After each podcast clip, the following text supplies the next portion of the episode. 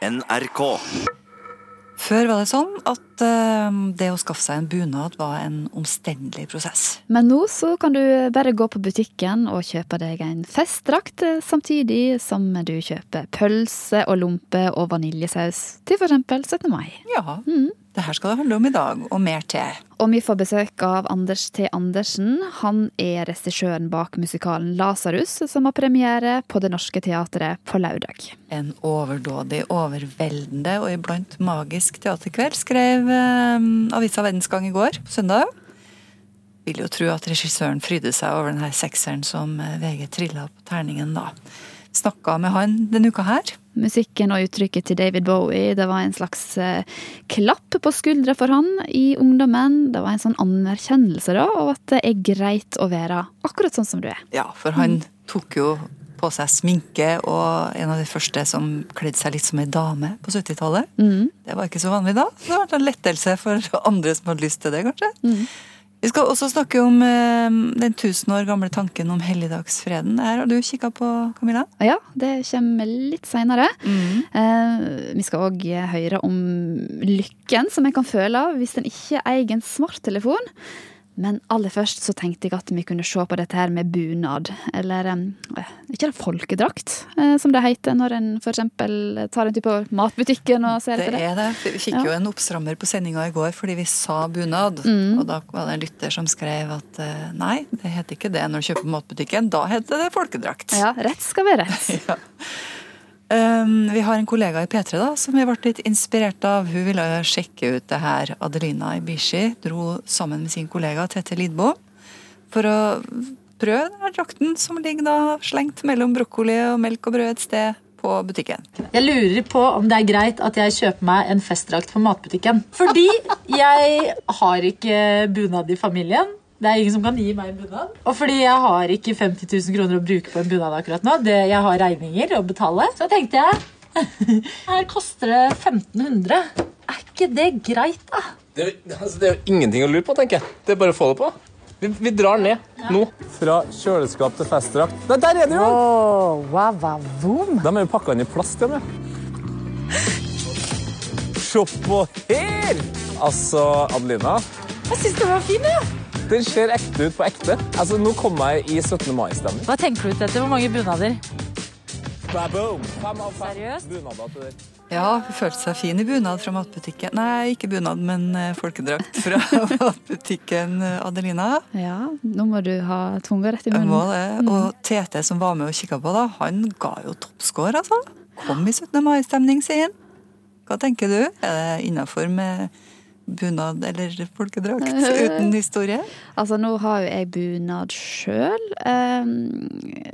og jeg tenker jo på en måte umiddelbart når jeg hører dette her, at eh, enhver bunad må få lov å skape sin egen historie. Eh, det er vel opp til eh, hver enkelt. Eh, og dette handler vel ikke om hvor den er kjøpt, eller pris, kvalitet på stoff og så, sånne ting. Nei. Hvilken bunad har du? Jeg har sognebune. Ja. En svart sognebune. Føler deg fin i den? Ja, jeg må si at eh, når 17. mai kommer, og ja, jeg bor jo i Trondheim Den dagen er jeg ikke trønder. Nei. Da er jeg sogning. Og da får du sikkert litt sånn spørsmål eh, Ja, fordi det er ikke så mange som har den bunaden i Trøndelag. Nei. Men når jeg møter en sogning den dagen, iallfall en person som går med sognebunad, da føler jeg en sånn ekstra tilknytning til den personen. Nemlig. Og det er så rart. Det er litt rørende å ja. Det er jo litt sånn at når jeg har på meg trønderbunaden og går ned i Trondheim, så føler jeg meg mer uniformert. Men på sendinga i går da, så ba vi altså lytterne om å fortelle historien om bunaden sin. Fikk jo mange fine fortellinger. Eh, Jeg tenkte jeg bare skulle nevne en av dem. Irene Hellesø Milde hun gifta seg i bergensbunaden sin. Den hadde arva fra mora si. Og mora til Irene hun døde allerede da hun var 57. Det var jo selvfølgelig veldig tidlig. Så når hun skulle gifte seg, så var ikke mora der lenger. Tok på seg bunaden til mora og gifta seg i den. Åh, det ligger masse historie der. Ja, Verdifull historie. Da følte jeg at liksom mora var med da, på, på dette bryllupet. Det var fint. Ja, Og eh, vi har jo lyst å høre flere sånne historier. Eh, Vi har vært ute på gata for å høre hva bunaden betyr for folk. Lise Sørensen har spurt hvor i landet kommer bunaden din ifra? Eh, Lundeby, begge to. Er dere søstre? Ja, vi er tvillinger. Fra Lundeby, hvor er det?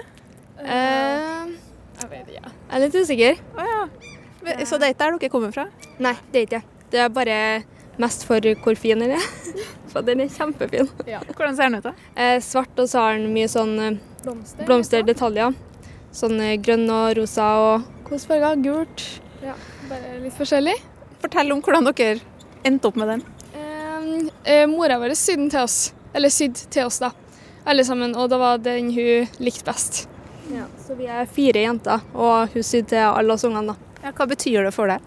Eh, vet, det føles veldig sånn norsk, da. Det er jo tradisjon, så ja. Men hva betyr det for deg det her med at eh, mora di har sydd den, og at hun har valgt den og litt sånn? Eh, det gjør det jo ekstra spesielt. Så det gjør at jeg setter enda mer pris på den enn jeg hadde gjort hvis jeg bare hadde liksom, kjøpt den. Har du bunad? Nei, Har du lyst på bunad, da? det har jeg. Men Ja, det er økonomi. Ja, det er dyrt med bunad. Hvilken en vil du ha i så fall, da? Det blir rogalandsbunad. Ja, det er klart. Men hvorfor er det viktig for deg at det skal være fra der du kommer fra? Nei, det er nok kanskje ikke det som gjelder mest, men den er jækla fin, ja. Så det Forfengelig, rett og slett. Ja, rett og slett. Ja. Men eh, er det greit liksom, med bunader som ikke har en historie? Sånn eh, kjøp og obs eller spar eller Så lenge folk føler seg bra, da, så ser fine ut, så går det fint. Det trenger ikke å være sånn gammel, gammel bunad. Nei, altså, alle bunader er vel konstruerte, er det ikke det? det ja, ikke noe forskjell på den og en fra Coop. Jeg har trønderbunad og, eh, og lundebybunad. Ja, to du. Ja. Hvilken liker du best, da? Lundeby. For den passer den kroppen jeg har best. Trønderbunaden er litt utfordrende. Nettopp. Altså, har den en historie, de Ja, jeg har familie på Nord-Trøndelag. Trøndelag. Født og oppvokst her. Men som sagt, den Lundebybunaden er for faren min sin familie. Hva betyr det at det kommer fra Jeg familiesida? skal bety veldig mye. Du har lært det? Ja. Det er litt heders å hedre. Mm. Eh, Jeg har ikke fått bunad pga. at det er status, tror jeg. Jeg tror det skal være varmt og godt på 17. mai. Men nå må du spørre noen av de andre damene òg. ja, hvilke, har dere en hi- bunadshistorie? Du har jo en. Det har Vest, Vestfoldbunad 32-modell. Som jeg har sydd selv, og jeg har sydd en til datteren min. Men det her med å sy til sin egen datter, hvordan var det da? Eh, Hun var student her i Trondheim, og så tenkte jeg hun kunne få et festplagg, og da passa det jo med bunad. Når jeg begynte å sy den bunaden, så hadde hun to millimeter hår, og så sa jeg det at eh, nå må du la håret gro, for jeg har ikke sy, skal ikke sy herrebunad. Så da lot hun håret gro, og da ble det bunad på henne. Enn dere andre enn du, har du da? Ja, jeg har, har min egen som jeg har sydd. Og så sydde jeg en til min sønn i fjor. Han ønsket seg bunad. Og da ble jeg veldig glad. Hvordan reagerte han da han fikk en? Han ble veldig stolt. Jeg tror han ble stolt av moren sin òg. Hvor viktig er det at bunaden har en historie, syns du? Jeg tenker at den kanskje vil gå videre til neste generasjon, og kanskje generasjonen deretter. Det er det jeg syns er fint med bunad. Men Hva tenker du om at det er så dyrt for mange? Ja, det er dyrt. Men samtidig så er det jo også håndarbeid. Og håndarbeid er dyrt. Det er håndverk. Jeg tenkte ikke at vi skulle ha bunader i hele tatt. Sånn, hvis vi ikke hadde sydd den, så tror jeg ikke at vi hadde egentlig fokusert så mye på det. Nei. Det er bare litt sånn fint å ha nå som vi har fått det. Men jeg føler ikke at det er sånn at man må ha bunad egentlig heller. Hvorfor ikke? Nei, jeg bare Du bruker ikke den så ofte, og det er jo veldig dyrt. Eller kan være veldig dyrt. Vi fikk det til konfirmasjonen, da. Så jeg vet ikke om jeg ville ha brukt alle konfirmasjonspengene mine på en bunad hvis jeg ikke hadde fått det. Ja, jeg kan jo fortelle at denne Lundebybunaden som eh, de damene på gata her var så stolt over, den har navnet sitt, jeg har vært inne og googla nemlig, fra en kar som heter Alf Lundeby.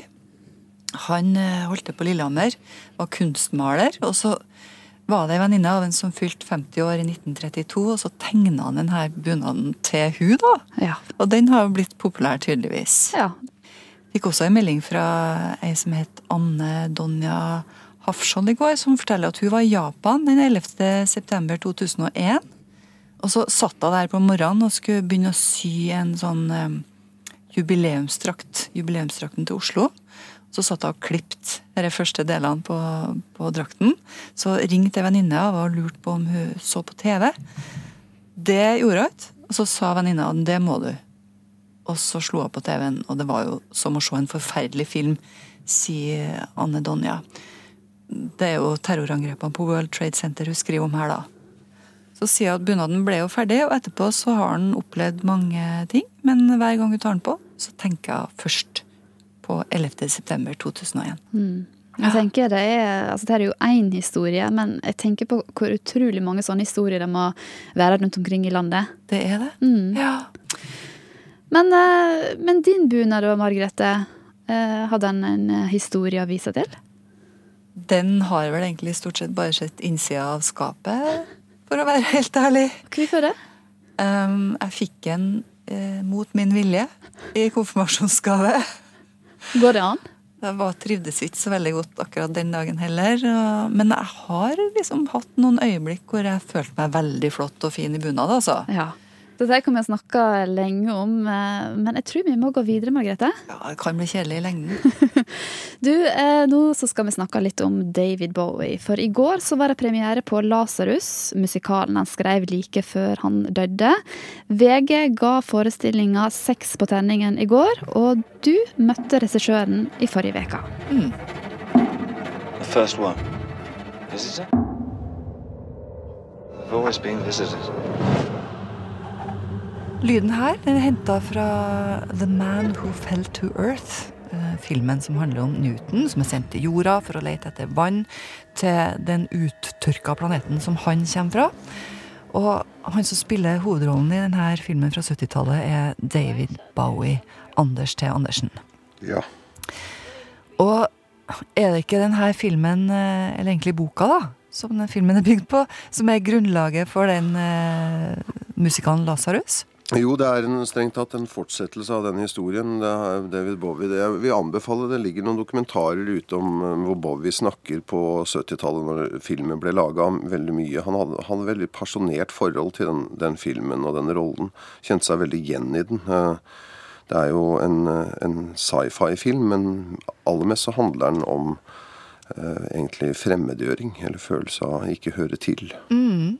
Og det her har han på en måte tatt med seg gjennom hele livet, og skrev en Ja. musical like før han døde, egentlig. Ja, Som nå du setter opp på Norske Teatret. ja stemmer. Jeg jeg må jo få høre Jeg har skjønt at du har et ganske sånn sterkt forhold til David Bowie. Ja.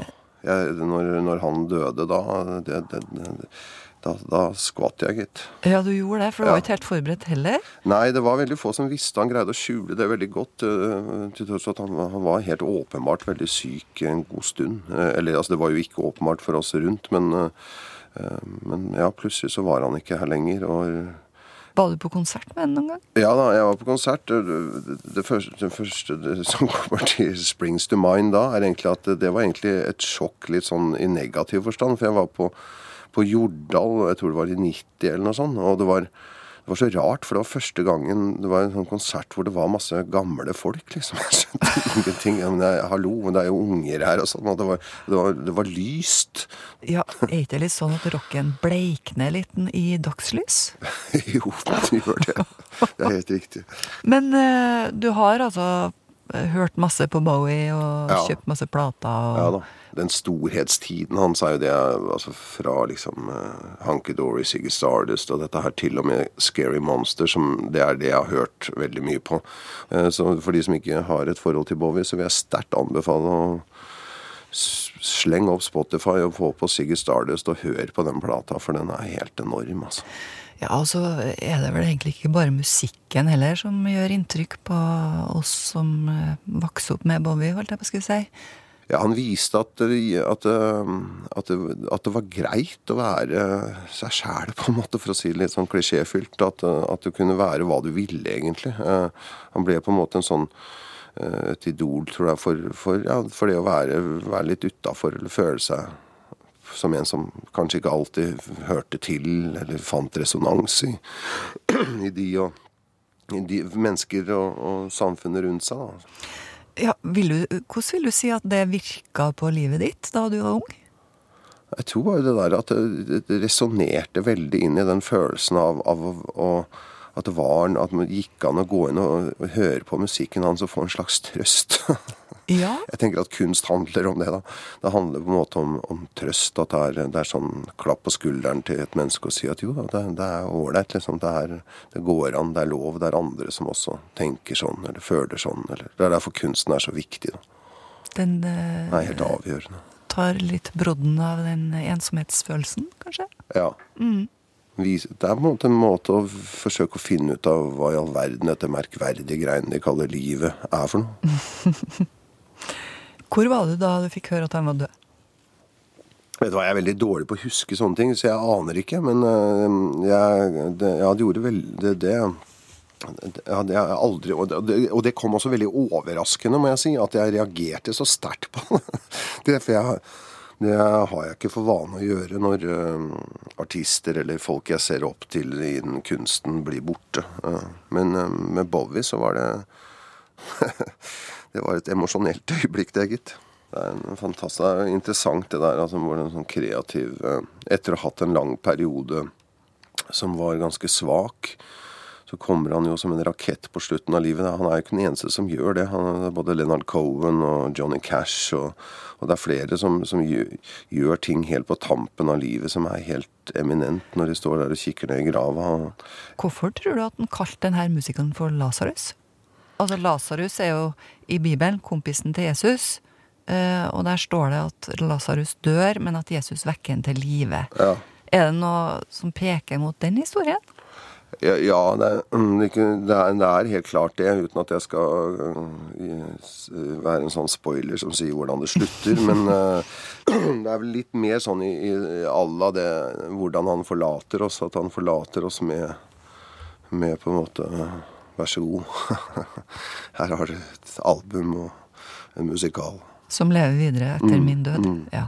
Du, du var inne på det her med den kreative eksplosjonen som kan komme når man eh, ser liksom døden i øynene. Ja. Det har jeg det, takk og lov ennå til gode å oppleve selv, men, nei, men det, er, det sier seg vel litt selv, egentlig, at det kan være en, en kreativ kraft i det. Å vite at nå er det over, liksom. Og jeg syns jo at eh, alle de jeg anbefaler sterkt, også det siste tre albumene til Leonard Cohen, det er også spesielt kanskje det aller siste, er helt fantastisk. Det er virkelig sånn hvisken fra grava. Ja, men jeg, jeg, jeg kan forstå det mer enn jeg kan forklare det, kanskje. At det inspirerer til å, å, å skrive om noe eksistensielt, da. Mm.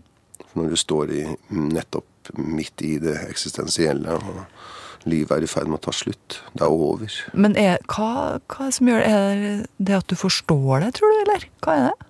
Hvis man har, hvis man har opplevd et eller annet eh, som Det er vel det som på mange måter kanskje er kunstens eh, greie, at når man har en opplevd eller har erkjent et eller annet, at man på sett og vis vil dele det. da. Ja. Men er det noe i det Når du setter opp det stykket her, er det noe av det samme at du har lyst til å formidle Hva har du lyst til at folk skal sitte igjen med, liksom? Det tror jeg ikke jeg skal si noe om. Men du, du vet jeg- hva det er, eller? Eh, ja, jeg har en, absolutt en anelse om det, ja. Men jeg, jeg, jeg liker bare ikke å legge føringer på hva folk skal oppleve. skjønner du? Eh, At, at de må bare få lov til å opp, oppleve Jeg mener ikke å være vanskelig, men at folk skal få lov til å oppleve ting helt fritt. Og få lov til å tolke det dit hen de vil, da. Men det er noe du vil si til folk? Ja, altså det, Og det, det man kan si noe om, uh, uten å legge noen føringer på noe, er, handler veldig Går tilbake til det der Bowie og hvorfor han ville gjøre en fortsettelse på Lasarus, tror jeg, som handler om, om, ja, om eh, fremmedgjøring, da. Ja. Og føle seg alene. Ja. Og utafor. Ja, uten Dette her var Anders T. Andersen, glad og fornøyd, eh, sannsynligvis da, for eh, sekseren som Verdensgang ga forestillinga Lasarus på Det Norske Teatret etter premieren i helga. Mm. Vet du hva? Hvis vi hadde levd for et par hundre år siden, så ville det jo vært ulovlig å gå i teatret i går. Da hadde vi kanskje fått bot? Ja. Skuespill og dets like er absolutt forbudt på sønn- og helligdager. Mm. Siden er loven om helligdagsfred fra 1700-tallet. Den har jo blitt endra flere ganger siden den gangen. Sånn som alle lover tilpasses nye tider. Ja, og nå har spørsmålet vært oppe igjen. Bør vi gjøre endringer, for eh, fortsatt så heter det at ingen kan forstyrre helligdagsfreden med utilbørlig larm. Mm. Har vi bruk for en lov som legger føringer på hva du og jeg ikke kan, og hva vi kan gjøre på helligdager? Er det bare en sånn gammeldags greie som ikke passer inn i et moderne samfunn. Vi skal ikke ta debatten her hos oss, men eh, vi skal heller ta en liten titt på opphavet til helligdagsfreden. Vi må tusen år tilbake igjen i tid. Ja, altså helligdagsfreden uh, i, i, i, vårt land går jo helt tilbake til katolisismen og den første kristne tida. Uh, det er blant de, de tingene som, som, som kommer med kristendommen. Når Olav den hellige kristne Norge på 1000-tallet, så har han òg føringer på hvordan folk skal oppføre seg når søndagen kommer, sier professor i kirkehistorie Hallgeir Elstad. Og hvor kommer dette her egentlig fra? Jo, Olav han henta fram ett av de ti buda i Det gamle testamentet som høres slik ut. Du skal holde hviledagen heilag. Og for kristne så betyr det søndagen også, etter hvert som kristendommen eh, utvikla seg og etter hvert ble statsreligion, så fikk man jo en lovgivning knytta til, eh, til eh, søndagen, og hvordan man skulle helligholde søndagen. Et viktig årstall er 1735. Norge har for lengst eh, sagt farvel til katolisismen, og den dansk-norske kongen Kristian 6. er inspirert av eh, pietismen. Det er en eh, retning innenfor kristendommen som legger vekt på handlingene til folk. Hva skal en god kristen gjøre, og hva skal han eller hun ikke gjøre? Det er i denne strenge perioden at Kristian 6. hjelper lova om helligdagsfreden til verden. Da utstedte han en forordning av 12. mars eh, 1735 eh, om sabbatens og andre helligdagers høytidelige helligholdelse, som loven faktisk het. Når man brukte sabbaten, så var det knytta til søndagen. da. Mm. Og, og, og, den er ganske streng, eh, hva man skulle gjøre. ja. For det første, det var obligatorisk å gå i kirke, eh, med kirkegang eh, denne dagen. Men så inneholdt den altså ganske detaljerte forordninger for hva som ikke var lov. Så f.eks. så står det i denne forordninga at komedie, skuespill og det slike ting er absolutt forbudt på søndager og helligdager.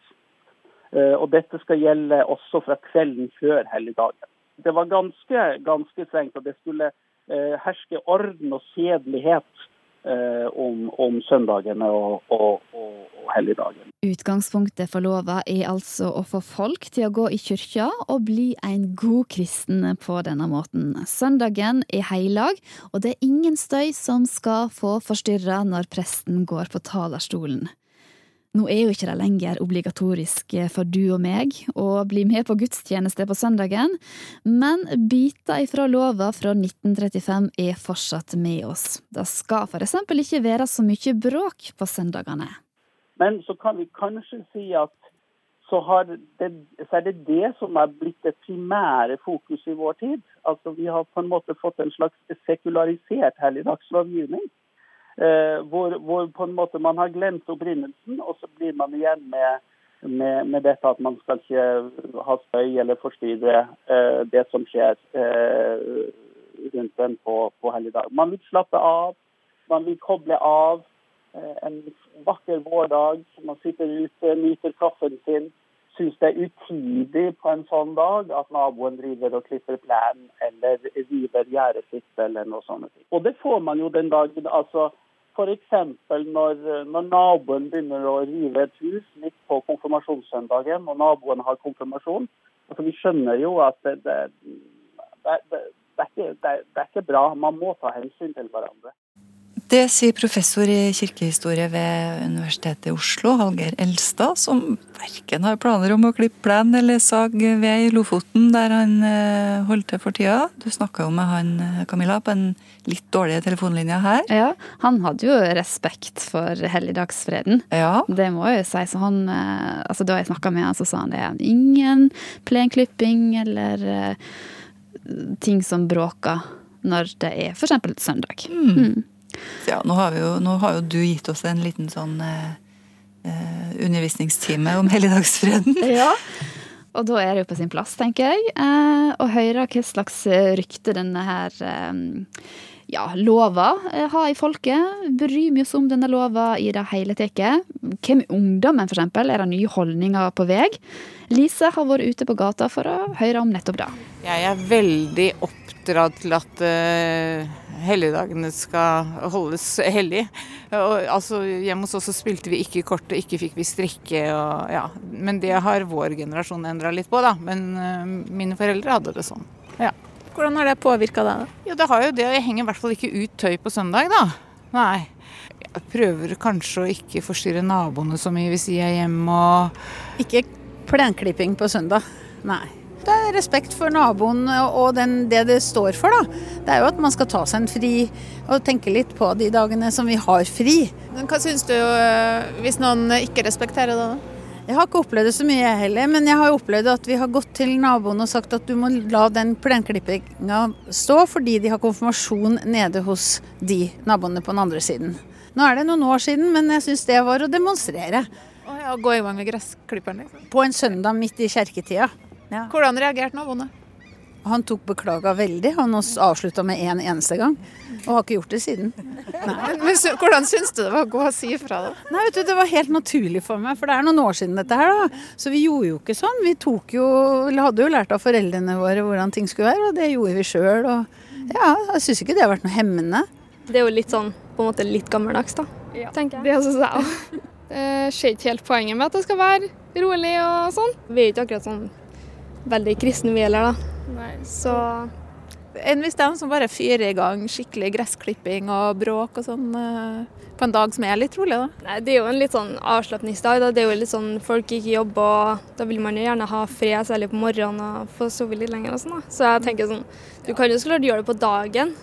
Ja, så lenge du ikke holder på kjempelenge, så syns jeg det er greit at folk klipper gresset og gjør det de ellers hadde tenkt å gjøre da, på en dag de har fri, liksom. Man må jo gjøre hagearbeid òg. det handler jo litt om eh, hvor du bor òg. Ja. Jeg bor jo midt i skogen, så til oss er det jo ikke så mye bråk. Nei, jeg bor jo midt i sentrum i Oslo, så det blir jo noe helt annet. Ja. Men hvorfor blir det forskjell, da? Fordi det er ikke så mange som bor rundt meg. Det, jeg har ikke så mange naboer. Men tar du mer hensyn eller mindre hensyn, da? Eh, kanskje litt mer. For da vet de at det er meg. Da er det jo bråk uansett, så det har liksom ikke så mye å si. Men Tror du man er flinkere til å holde helligdagsfreden på bygda enn i byen? Jeg føler I bygda er det litt eldre folk, og da de har litt mer respekt for hva skal jeg si, Det var sånn det var før, og da opprettholder de det. Mens eh, det er veldig mye unge folk i sentrum og i byene, og da de gjør litt sånn som de vil, føler jeg. Nei, jeg bor nå på hybel, så det det er ikke sånn at jeg eh, har så mange naboer å plage med gressklipping og sånn uansett. Men det er klart det er deilig å ha noen rolige dager, da. Det er det. Men hvorfor syns du det? Nei, altså Man jobber mye ellers, mye støy i hverdagen. Fint å kunne ta livet litt med ro. Så du syns det er en bra lov? Absolutt. Nei, jeg tenker at ungdommen lever jo et hektisk liv. Og de gjør vel ting når de syns det passer, og når de har tid. Men det er nok viktig at de lærer litt at Ja, det er jo mange igjen av den eldre generasjon som har litt andre vaner og tar litt hensyn. Det tror jeg er fint. Litt gammeldags, mener noen. Andre syns det er fint at vi er enige om at noen dager skal være litt stillere enn andre. Det er òg denne lova som gjør at butikkene holder stengt på slike dager. Mm. Det hadde jo vært litt sånn at hvis alle skulle vært stille når vi ville sjøl, så hadde det jo aldri blitt stilt. Godt poeng. Mm. Du, tror du hvis vi hadde hatt smarttelefoner på 1700-tallet da den loven her kom, ville det ha stått i loven at den eh, var forbudt da? Ja, garantert. Ja. Eh, det tror jeg. Og det har jo faktisk vært etterspurt et forbud mot smarttelefoner for unger. Eh, så noen har tenkt mm. at det kunne vært på sin plass med begrensninger i vår tid òg, da. Mm. Nå er det jo vår. Eh, jeg ser på en måte at eh, trærne begynner å bli ganske grønne i Trondheim f.eks. Og akkurat det som Aksel Tjora snakker om her, det er et eksempel på hva du kan gå glipp av om du navigerer rundt i byen f.eks. med blikket på telefonen. Han sier at uh, han blir mer oppmerksom på det som skjer rundt den, når han bryter kontakten med telefonen. Og Aksel, som er professor i sosiologi og har fire unger, mener at han har fått nye verdier etter at han eh, kvitta seg med nettopp smarttelefonen. Ja, Du møtte Aksel, Camilla. Litt mindre kontrollert enn du hadde tenkt, kanskje? Ja, bare hør her. Jeg snubla inn døra, jeg. Ja, så best du bare snubler inn der. Ja, her kunne det nesten ha gått gale, men heldigvis gikk det bra denne gangen. Nå er vi på Sosiologisk poliklinikk. Sosiologisk poliklinikk det er en liten møteplass for sosiologer i Trondheim sentrum. Her diskuterer forskere, studenter og professorer, slik som Aksel Tjora, hvordan samfunnet er bygd opp og utvikla seg. Her har Aksel òg funnet ut nye ting ved seg sjøl. Ja, det her er en eh, Nokia Altså batteriet på den er bare i fire-fem dager. Aksel viser stolt fram en svart kloss med skjerm og knapper. Mobilen er uten internettilgang og kan kun brukes til å sende tekstmeldinger og ringer. Ja, så kan en så klart spille Snake hvis en har lyst til det. For mange så er dette her primitivt og tungvint. For Aksel betyr det lykke. Det er sju år siden han parkerte smarttelefonen sin. Jeg hadde en sånn smarttelefon eh, som de fleste har nå. Det her var vel i 2012. Eh, og som jeg hadde vel et års tid. Og i 2012 så kjørte jeg også et sånt eksperiment hvor jeg fikk folk til å koble seg av, eh, av internett i tre uker. Eh, og de som var med på det prosjektet, lærte veldig mye om sin egen bruk. Og jeg også gjorde det.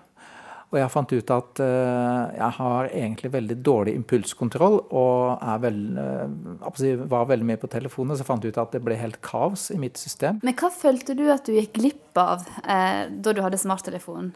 Ja, altså jeg gikk jo glipp av ting rundt meg fordi at jeg gjerne var mer nysgjerrig på en e-post eller en melding som kom, enn det som skjedde rundt meg i gata eller utenfor bussvinduet. Hva er det du opplever nå, da? Hva er det du ser av nye ting rundt deg? Eh, ja, jeg, for eksempel så Nå er det jo vår. Eh, jeg ser på en måte at eh, trærne begynner å bli ganske grønne i Trondheim f.eks. Eh, jeg ser at eh, gatene begynner å bli kosta. Jeg går og irriterer meg over lyden av piggdekk. Folk som ikke har på si, skifta dekk. Eh, så sånne type ting i, i, trafikken. Jeg går og ser på, på si, speilet av sola i vinduene, og sånn som hos oss her nå, dårlig vaska vinduer? Som, som, heldigvis ikke er bare vi som har. Så, og, og, dessuten så går jeg og ser folk i øynene i gata. Så hvis jeg kan fange opp folks øyne, så går jeg og prøver å, å fange opp blikk. Eh, det, der er jeg ganske aktiv. og det, det syns jeg er veldig interessant. da. Ja, hva sier dette her om de nye verdiene som du har fått i livet ditt? Nei, Jeg har eh, skjønt eh, at det med konsentrasjon, eh, fokus på én ting, en god samtale, at det der er en sånn knapphetsverdi. Og, den, og det blir stadig vanskeligere å få til det. Og det, det syns jeg vi må bli litt mer obse på. da. Og jeg har blitt eh, veldig sånn obs på hvor deilig det er å ikke gjøre noen ting innimellom og ikke fylle ut enhver pause med å stirre ned på, på en skjerm. Eh, så den verdien der, eh, å ha oppmerksomhet til en annen person, eller oppmerksomhet til en tanke eller eh, en eller annen observasjon ute i byen eller i, i marka, bare den, den tingen der syns jeg er så viktig. da. Når kjenner du at det river litt? da? At du savner det å ha en eh, smarttelefon liggende? Det er f.eks. Eh, når jeg skal bestille en taxi det er eh, når jeg gjerne skulle ha betalt parkeringa mi litt enklere. Eh, så det er mange ganger at jeg tenker at jeg gjerne skulle hatt en smarttelefon. Og, jeg må jo si at eh, kona mi er litt sur på meg innimellom fordi at jeg maser på hun for innimellom sånne praktiske ting. Nå er jeg jo såpass sta at jeg tror det er staheten som egentlig som står igjen som det, det, siste, det siste som gjør at jeg ikke kommer til å bytte, da. Jeg eh, tror jeg er en bedre far i mange sammenhenger fordi at jeg ikke sitter og stiller i smarttelefon. Samtidig så er jeg også en far som sitter liksom på jobb hele tida. Så min, min, laptop er aldri langt unna. Så det er nok litt både òg. Men det som jeg tenker er en sånn ting ved det, er at eh, når jeg sitter med laptopen, så er jeg på jobb, og veldig synlig på jobb på et vis. Selv om jeg sitter hjemme på kjøkkenbordet. Når jeg ikke sitter med den, så er jeg definitivt ikke på jobb.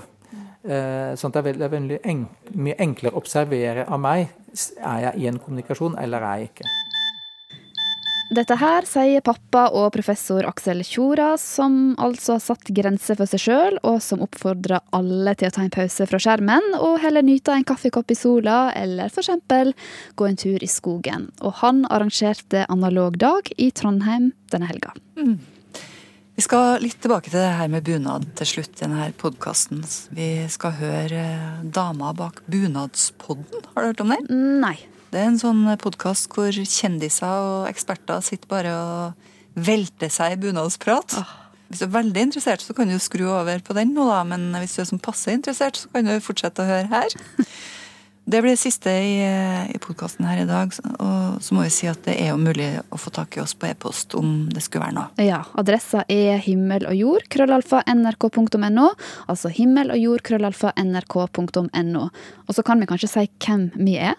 Har vi glemt av det helt? Ja, jeg tror det. Ja. Camilla Kjønn Tingvold. Og Margrethe Nåvik. Vi går da videre til neste hovedspørsmål, som stilles av representanten Trygve Slagsvold Vedum. Vedum? President, Norge har fått en eh, egen gerilja. Bunadsgeriljaen. Det er snilt bevæpna med søljer Vi har sett det siste at kvinner og menn over hele landet tar finstasen på og går til kamp for fødeavdelingene rundt omkring. I nasjonaldrakt. Det her var Trygve Slagsvold Vedum på talerstolen på tinget i bunad. Men hva har nå bunad med politikk å gjøre? Å bruke bunad som politisk plagg, det er ikke noe nytt. Det sier Unni Irmelin Kvam, som skriver bøker og lager podkast om bunad. I 2005 for eksempel så var det nyhetsoppslag i landets aviser om politikere som protesterte mot at de fikk terningkast i avisene for kjoler som de hadde på seg når de skulle spise middag på Slottet. I går rulla den ene bilen etter den andre opp foran Slottet. Det var middag for stortingsrepresentantene våre. Og i dag er avisene opptatt av to ting. At kongen ser på tufte, og at en del av de kvinnelige representantene dropper gallakjole til fordel for bunad.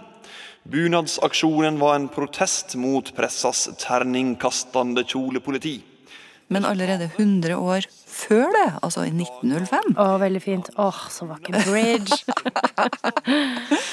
så var nasjonaldrakten et viktig våpen når, eh, når man skulle lage en nasjon. Bildet av dronning Maud ikledd en hardangerdrakt ble jo brukt til å styrke den nasjonale identiteten for en ung norsk nasjon. Nemlig. For nå skulle vi ta tilbake det norske etter dansketida. Mm. Ja. Og, og, det var mer. Det var folkemusikk og språk. Ja. Nynorsk, for eksempel. Mm. Mm. Men bruken av nasjonalsymboler har også en nedside. Det fikk vi se under andre verdenskrig. Her fra Nasjonal Samling sitt Jonsokstevne på Domkirkeodden i 1943. Mjøsa ligger speilblank. En blir fylt av andaktsfylt ærefrykt når en står her og ser all denne vakkerdommen som tumler seg der nede på sletta. Lyslokkede, fagre jenter i bunad og ranke, spenstige NSUF-gutter går og kikker på hverandre. Og vi tar nok ikke mye feil når vi sier at det er blitt innledet mangt et bekjentskap som vil få varig verdi. Helser, vårbører, Vidkun Quisling. Heil oss sted! Hei, lås sted! Vi ser at uh, okkupasjonsmakten gjorde det de kunne for å tilrøve seg de norske symbolene mens uh, krigen varte. Da slutta man uh, å jobbe så mye med bunadene. Da gjorde man andre ting. Det var krig i landet og unntakstilstand. Så da var det nok mangt et bunadsarbeid som ble satt i bero. Mm. Og du fortalte meg en liten historie på forhånd her om eh, da Kristiansund ble bomba. Ja, og da må jeg ta litt forbehold, jeg lurer på hvor jeg har alt dette fra. Jeg mener jeg har researcha det til den, eh, til den bok jeg har lyst til å skrive, men jeg har ikke kommet så langt. Men det vi vet, det er at i 1939 så samla det seg mange hundre kvinner i Surnadal på et bunadstevne der. Og de ble enige om hvilke plagg og tekstiler og deler som skulle bli til nordmørsbunaden. Og den, eh, den modellen de ble enige om, kaltes Marett, eller Maret, og den ble tatt med til Kristiansund. Og så vet vi jo at Kristiansund ble sønderbomba. Det var jo en av disse byene som virkelig, der det sto igjen virkelig bare én bygning. Mm. Som aprildagene i Kristiansund eh, 1940 var helt forferdelige. Ja, og har du sett noe om hvordan man altså, jobba for å få alt det her på plass igjen etter krigen? Ja, eh, på Nordmøre så mener jeg at entusiaster, ildsjeler, bunadsnemnda begynte å jobbe med det å lære seg teknikker.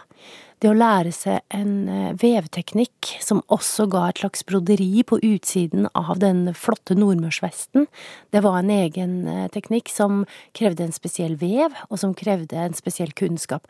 Og denne håndverkskunnskapen gjorde de mye for å lære seg Mm. på Nordmøre. Lære seg på nytt, da. Ja, og vi, i dag så er vi jo egentlig i samme situasjon. Det er jo en del av disse håndverkstradisjonene som vi ikke kan lenger. Mm. Et eksempel er jo eh, sjalet på min egen rindalsbunad, som er en variant av nordmørsbunaden. Det sjalet har et eh, blokktrykk opprinnelig, men det er en tradisjon og en håndverkskunnskap som ingen i dalføret kan lenger. Og det er veldig synd. Du sitter der med den fineste Rørostviden, beste sjalet, og så vet du at nei, dette er maskinelt trygt. Og det syns jeg er litt sånn synd, da, at vi har glemt hvordan vi gjorde vår egen tradisjon. Ja, hvorfor er det så viktig det? Å huske på det og, og kunne den eh, teknikken? Jeg har jo tro på at hvis vi skal ta vare på kulturminnene våre, så må vi også kunne teknikkene fra den tiden. Så det er liksom museumsmennesket i meg som våkner litt og sier at vi må kunne de teknikkene som fortiden har lært oss. Av og til så ser jeg for meg disse all denne kunnskapen, denne immaterielle kunnskapen som et rom, der du går inn og plukker kunnskap. Men så er det på en måte en, en lås på den døra. Så um, ja. Men, men hva er det i oss som gjør at vi For nå har vi jo verktøy for å lage sånne sjal i full fart. Og hva- er det i oss som liksom vil ta vare på det gamle? Ja, hva er det? Kanskje ønsker vi oss en, eh, en, en slags eh, rot. Kanskje ønsker vi å være ankra til fortida vår. Mm. Det, dette med bunad og identitet, hva handler det egentlig om? Fordi du velger jo ofte etter det stedet der du er fra, eller mor er fra, eller mormor eller farmor. Men det handler også om hvor du får lov å være inkludert, tror jeg. Altså denne gruppetilhørigheten. Hvis rindalingene ikke hadde eh, sagt at jeg kunne få lov til å være Altså hvis de sa at nei, du må bo i bygda for å ha denne bunaden, så hadde jo ikke det vært så inkluderende. Og da hadde jeg sikkert ikke valgt den heller. Men når de sier at ja, det er nok at du har bodd her, eller føler tilhørighet hit, så er det en annen ting. Så har du en flokk der, liksom? Ja, har vi ikke en flokk? Ja. Men tilbake til bunadsgeriljaen. Mm. Eh, Du nevnte at eh, bunaden ble brukt til å reise bondestanden, på en måte. For da var bunad mer noe for alle, men nå er det jo sånn at det koster penger å kjøpe seg bunad. Det gjør jo det, vet du. Eh, Betyr det at de her aksjonene er bare for lag i folket, liksom? Nei, altså det med å bruke bunad i bunadsgeriljaen syns jeg er et veldig sterkt retorisk grep på den måten at eh, bunad handler ofte om det stedet du kommer fra.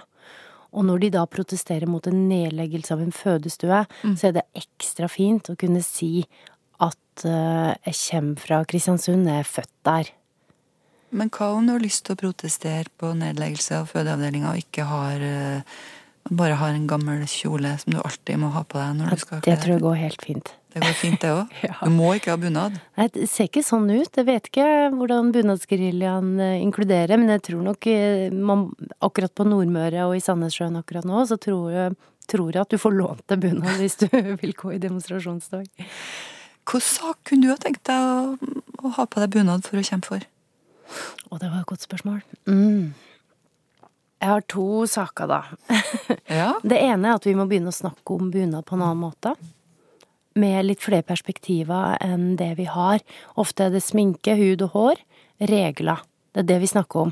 Og der kunne jeg ønske at vi snakka mer om vårt eget forhold til bunad, mikronivået, men også den store bunadshistoria.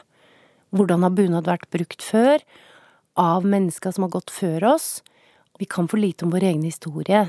Mm, en annen, en annen eh, sak jeg kunne tenkt meg å gått i eh, Brukt bunaden for, er rett og slett eh, dette med håndverket. Jeg er selv en kløne. Min mor fikk da da jeg kom hjem med et sånt korsstingsbroderi i åttende klasse, så tror jeg faktisk min mor gråt av skam, fordi hun syntes ikke det var noe særlig pent, og jeg tror faktisk hun retta det opp, for her gikk kryssa i, på kryss og tvers, bokstavelig talt. Så jeg kunne rett og slett ikke sy deler av bunaden min selv, men jeg ser at andre klarer det, så vidt, um, og jeg har stor respekt for, de, for det håndverket som ligger der. Og det er jo derfor jeg har lagd denne bunadspodden. For å sette meg litt inn i hva som kreves for å lage, lage dette håndverket. For å veve denne ulla. For å dyrke denne linen, ikke sant. Mm. Så jeg, Du må fortelle om den, bare hva den heter, den podden. I Bunadspodden så snakker fagfolk og kjendiser om bunad. Og det gjør jeg fordi jeg ønsker at de 2,5 millionene bunader som vi har her i landet, eh, fortjener nye og annerledes perspektiver. Vi har så mange bunader. Ja, vi har så mange bunader, og det er så mange av de som befinner seg inne i skapet. Så de, vi må få bunaden ut av skapet, eh, og hvis du har en bunad som er for liten, så må du ta og enten selge den, eller sy den om, eller gi den bort. Ok, jeg tar det til meg. Min henger i skapet. Den gjør det, ja. ja. For det er det som er dumt med å få bunad til konfirmasjon. Mhm. Man er jo ikke fullt utvokst, og det er jo ingen som har konfirmasjonskroppen når de er 30 eller 40 eller 50. Takk. det er det, man må stikke fingeren i jorda. Hva skal du ha på deg på fredag, da? Jeg skal ha på meg rindalsbunaden min. Ja. Med sjalet. Ja. Og så skal jeg bryte en bunadsregel. Og det betyr at jeg skal ikke ha på meg hodeplagg. Men hadde jeg hatt hodeplagg, så hadde jeg hatt det på meg. ja, men du er ikke så opptatt av reglene, egentlig. Nei, vet du hva, jeg syns vi skal slappe av litt i bunaden vår og kose oss. Og så håper jeg å få med et sekkeløp.